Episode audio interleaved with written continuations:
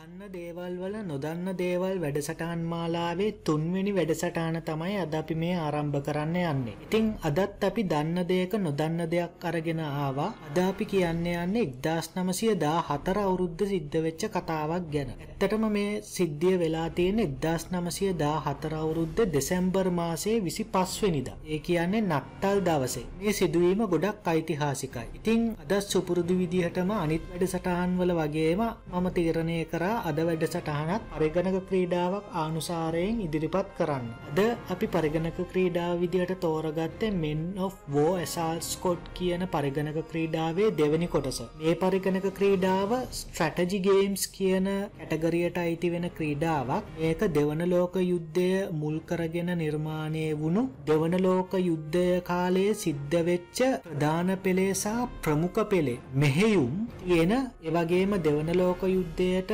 දායකත්වය ලබා දීපු ප්‍රධාන පෙළේ රටවල හිටපු මිත්‍රපාක්ෂික සහ සතුරුපාක්ෂික හමුදාවන් විදිහට මේ පරිගණක ක්‍රීඩාව සෙල්ලම් කිරීමේ හැකියාව තියෙනවා. හොඳයි අපි එහෙනම් බලමු 1914 අවුරුද්දේ දෙසැම්බර් මාසයේ 25 වෙනිදා ඒ කියන්නේ මේ නත්තල් දවසක සිද්ධ වෙච්ච මේ ඓතිහාසික සිදුවීම මොකක්ද කියලා.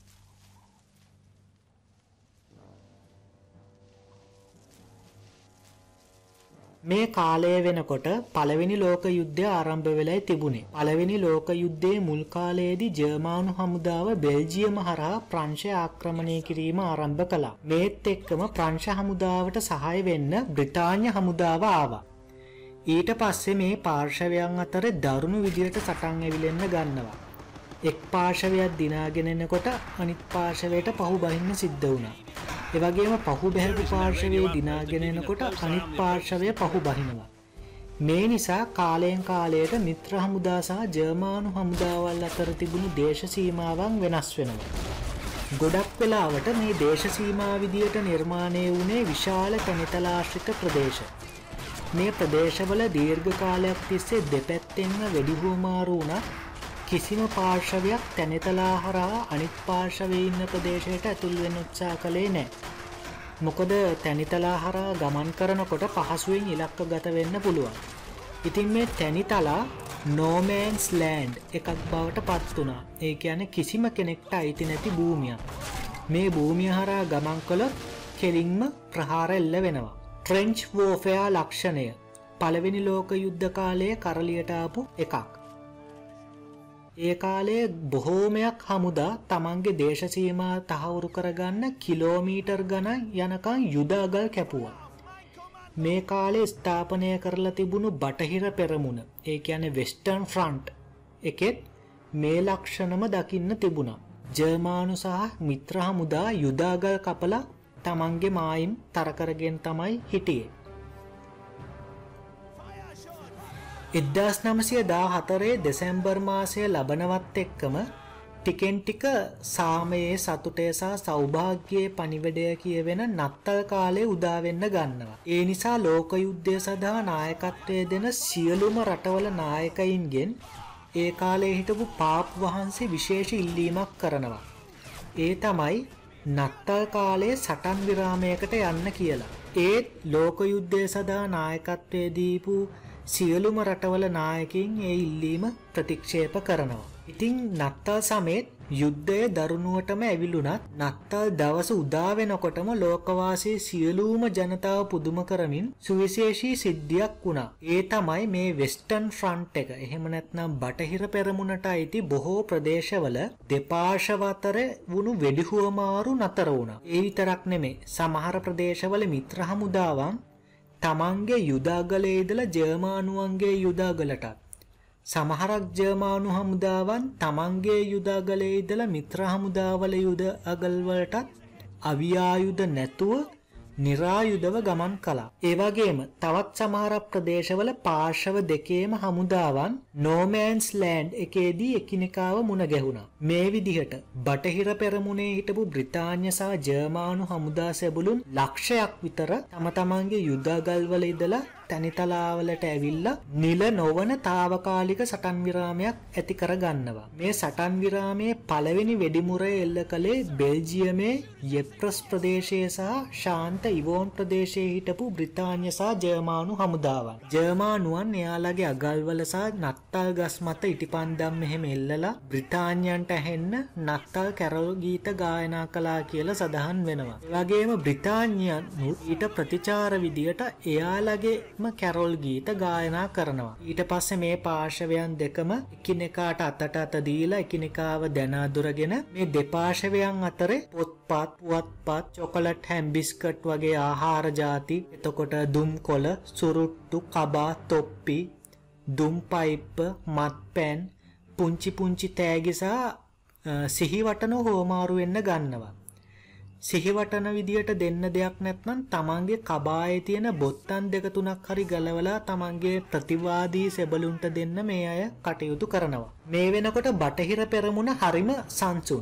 කිසිම කාලතුවක්කුවක හෝ වෙඩිල්ලක ශබ්දයක් ඇහෙන්නේ නැහැ. දෙපාර්ශවයේම නත්තා සුබ පැතුම් වලින් සහ කැරොල් ගායනා වලින් මුළු බටහිර ආරක්ෂක වලල්ලම පිරීලා ඉතිරලා යනවා. මේ වෙනුවෙන් දෙපාර්ශවයේම ඉන්න සාමාන්‍ය සෙබලාගේ ඉඳලා උසස්ම නිලධාරියා වෙනකන් ඉන්න හැම කෙනෙක්ම තමන්ගේ නිලයන් ගැන තැකීමක් කරන්නේ නැතුව හැම කෙනෙක්ගේම කරට අත දාගෙන ආගිය තොරතුරු කතා කරනවා. ඒ වගේම ප්‍රතිවාදී සෙබළුන් එක්ක සුහදව ඉන්නවා.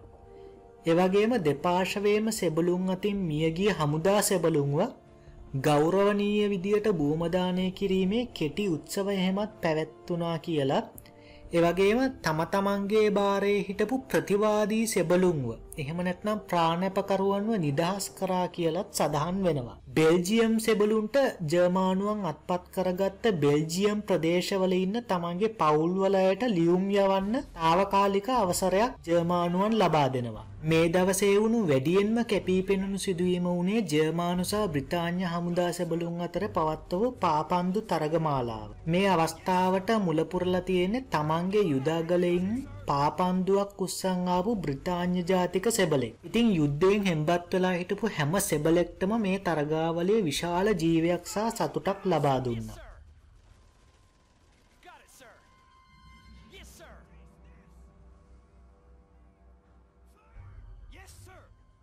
එදදාස් නමසය දා හතරේ දෙසැම්බර් මාසය ඇතිවුණු මේ නිල නොලත් සටන් විරාමය එහෙමත් නැත්නම් ක්‍රිස්මස් ටරූස් එක සාමයාගයන ගොඩක් මිනිස්සුන්ගේ ප්‍රශංසාවට හේතු වුණා. මේක ලෝක මානවිතිහාසයේ සුවිශේෂීතම සාමයේ සලකුණක් විදියට තමයි බොහෝ දෙනෙක් හඳුන්වන්නේ. සමහරක් ප්‍රදේශවල මේ සටන් විරාමය නත්තල් දවසට විතරක් සීමා වුණත් තවත් සමහරක් ප්‍රදේශවල මේ විරාමය උදාවීමට නියමිත 1915 නව වර්ෂයේ පළවෙනි දවස වෙනකම්ම තිබුණා. බ්‍රිතාන්‍ය සහ ජර්මානු හමුදා අතර මේ විදිහට සටන් විරාමයක් පැවතුනත් ප්‍රංශ හමුදා සහ ජර්මානු හමුදා අතර දිගින් දිගටම යුද්ධය ගිහින් තියෙනවා.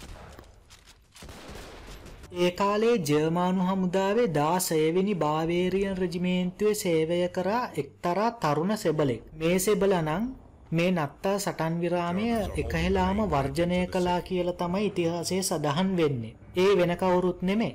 අපි කවුරුත් දන්න හඳුනන දෙවන ලෝක යුද්ධයට මගපාදපු තරුණ ඇඩොල්ෆ් හිට්ලර්. බටහිර පෙරමුණ එහෙම වෙනකොට නැගෙනහිර පෙරමුණ හෙවත් ඊස්ටන් ෆ්‍රන්ට් එකේ හිටපු රුසියානු සහ ඔස්ට්‍රියා හංගේරියා සෙබළුත් යුදාගල් වලින් එළියට ඇවිල්ලා එකට එකතු වෙලා සාමයෙන් නත්තල සමරලා තියෙනවා. මේ සිදුවීම වෙලා හරියටම අවුරුද්දකට පස්සේ ඒ කියන්නේ 1915 අවුරුද්ද දෙසැම්බර් මාසයේදී දෙපාර්ශවයේම ඉන්න සෙබළුන් මේ විදිහටම සටන් විරාමයක් ඇති කරලා එකට එකතු වෙලා නත්තල් සමරන්න සැලසුම් කරනවා. ඒ දෙපාර්ශවයේම ඉහළින් ආපු දැඩි නියෝග නිසා ඒක ක්‍රියාත්මක කරන්නේ නෑ. හැබැයි ඉහළ නිලධාරීන්ට හොරෙන් හනම නොතකා දෙපාර්ශවයේම අය බොහොම සුළුවෙන් මේ සැමරීම කලා කියලා වාර්තා වෙනවා. එක්දස් නමසය දාසය අවුරුද්දෙත් නත්තල් සටන් විරාම සාකච්ඡාවක් එරිලා තියෙනවා නමුත් ඒ සාකච්ඡාව අසාර්ථක වෙලා තියෙනවා. එක්දස් නමසය දා හතවුරුද්දෙන් ආයිත් වතාවක් නත්තා සටන් විරාමයක් ඇති කරන්න සාකච්ඡාවක් කෙරෙලා තියෙනවා ඒ සාකච්ඡාවත් අසාර්ථක වෙලා තියෙනවා. එක්දස් නමසය දහ 18 අවුරුද්දේ නත්තලට මාසයක් තිබිලා ඒ කියන්නේ 1918 අවුරුද්දේ නොවැම්බර් මාසයේ පළමු ලෝක යුද්ධය අවසන් වෙනවා. ඉතින් ඕක තමයි 1914 අවුරුද්දේ නත්තල් සටන් විරාමය හෙවත් ක්‍රිස්මස් ට්‍රූස් එකේ කතාව. මේ කතාව මට පළවෙනි වතාවට දකින්න ලැබුණේ එක්තරා සමාගමක් විසින් නිර්මාණය කරපු මේ කොමර්ෂල් ඇඩ්වර්ටයිස්මන්ට් එකක්. කියන්නේ වෙළඳ දැන්වීමක් ඔස්සේ. ඒක වෙළඳ දැන්වීමක් වුණත් ඇත්තටම ඒක මේ ලෝකයේ ඉන්න සෑම මිනිසෙක්ම බැලිය යුතු වීඩියෝවක් විදිහට තමයි මම දකින්නේ. මොකද ඒ වීඩියෝව බලලා ඇත්තටම ඇහැට කදුලක් ඉනුවේ නැත්නම් ඒ කෙනා මිනිස්සෙක් වෙන්න බෑ. ඒ තරම් අති සංවේදී ඒ වගේම මනුෂ්‍යත්වය ගැන බලාපොරොත්තුවක් හිතට දැනෙන බොහෝම ප්‍රිය උපදවන ලස්සනම ලස්සන වීඩියෝවක්. ඉතින් ඕගොල්ලොන්ගෙත් දැනගැනීම පිණිස සහ ඕගොල්ලොන්ගෙත් රසවින්දනය සහ නැරබීම පිණිස මම ඒ වීඩියෝ ලින්ක් එක පහලින් කමෙන්ට් එකක් විදියට අමුණලා තියෙනවා. ඉතින් ඒකත් බලන්න කියලා ආරාධනා කරනවා.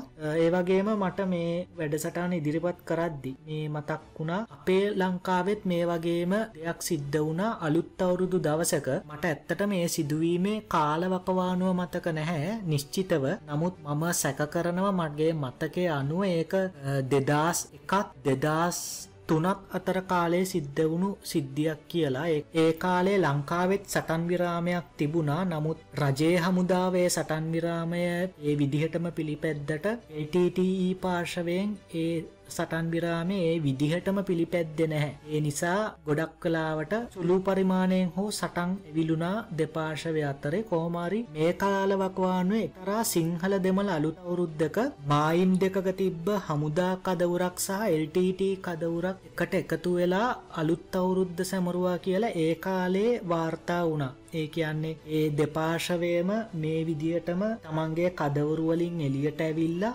නිරායුධව ඒ කියන්නේ අවියායුධ අරගන්න නැතුව නිරායුධ එළියට ඇවිල්ලා LTT පාර්ශවයේ අය හමුදාවට රස කැවිලි පිගන්වුත් ඒ වගේම හමුදාවේ අය LTT පාර්ශවයට රස කැවිලි පිගන්වුත් හුවමාරු කරගෙන කෑම බීම හුවමාරු කරගෙන අලුත් අවුරුද්ද සැමරුවා කියලා ඒ කියන්නේ බොහොම සාමයෙන් ඒ ඒ වැඩ කටයුතු සිද්ධ කරා කියලා වාර්තා වුණා ඒ කාලේ. ඉතින් මට ඒ සිදුවීමත් මේ වෙලාවේ මතක් වුණා.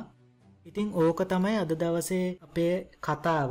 එහෙනම් අදට අපි සමුගන්නවා නැවතත් දන්න දේවල් වල නොදන්න දේවල් වැඩසටහනකින් මේ විදියටම හමුවෙමු